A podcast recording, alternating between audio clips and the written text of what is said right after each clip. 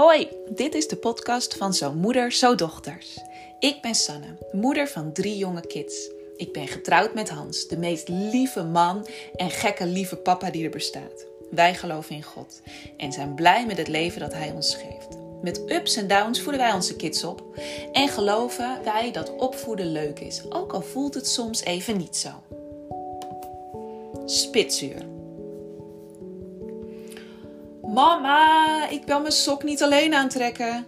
Mama, gat zie je, dit brood zit de pitjes. Oh. oh nee, mama, ik heb mijn beker laten vallen. Herken je dit? Dit zijn bij ons welkome ochtenden. Chaosochtenden noem ik ze. Dagen met spitsuur waarop alles fout lijkt te gaan en niets lijkt mee te werken. De kinderen vragen te veel aandacht of doen niet wat ik ze heb gevraagd. Het tempo van aankleden en eten is extreem langzaam en altijd net op de dag dat we snel moeten zijn. Of als alles lijkt mee te zitten en we net weg willen gaan, dan poept Lise in de luier of laat een beker drinken over de kleren heen vallen. Weet je, op dit soort dagen zou ik het liefst terug naar bed gaan.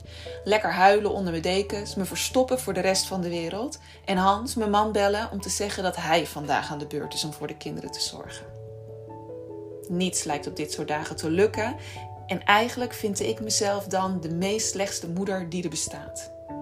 Ik lijk mijn overwicht op de kinderen kwijt te zijn, mijn time management klopt niet en ik heb geen energie meer om vrolijk en positief door te gaan totdat de hele situatie weer voorbij is kinderen doen niet leuk, ik doe niet leuk, alles lijkt te mislukken. Mijn gedachten gaan van negatief naar negatiever en doemdenken gaat me opeens heel goed af. In Matthäus 11, vers 28 staat: Kom naar mij als je moe bent. Kom naar mij als je gebogen gaat onder het gewicht van je problemen. Ik zal je rust geven. Meestal als ik het even niet meer weet, als ik op het punt van opgeven sta, zet ik rustige worshipmuziek aan. In huis, op de radio of gewoon op mijn telefoon als ik weg moet of onderweg ben. Ook praat ik heel kort even met God. Want eigenlijk heb ik niet meer tijd en ruimte. En zeg ik gewoon: Papa, Vader in de hemel, help me en maak me alsjeblieft rustig.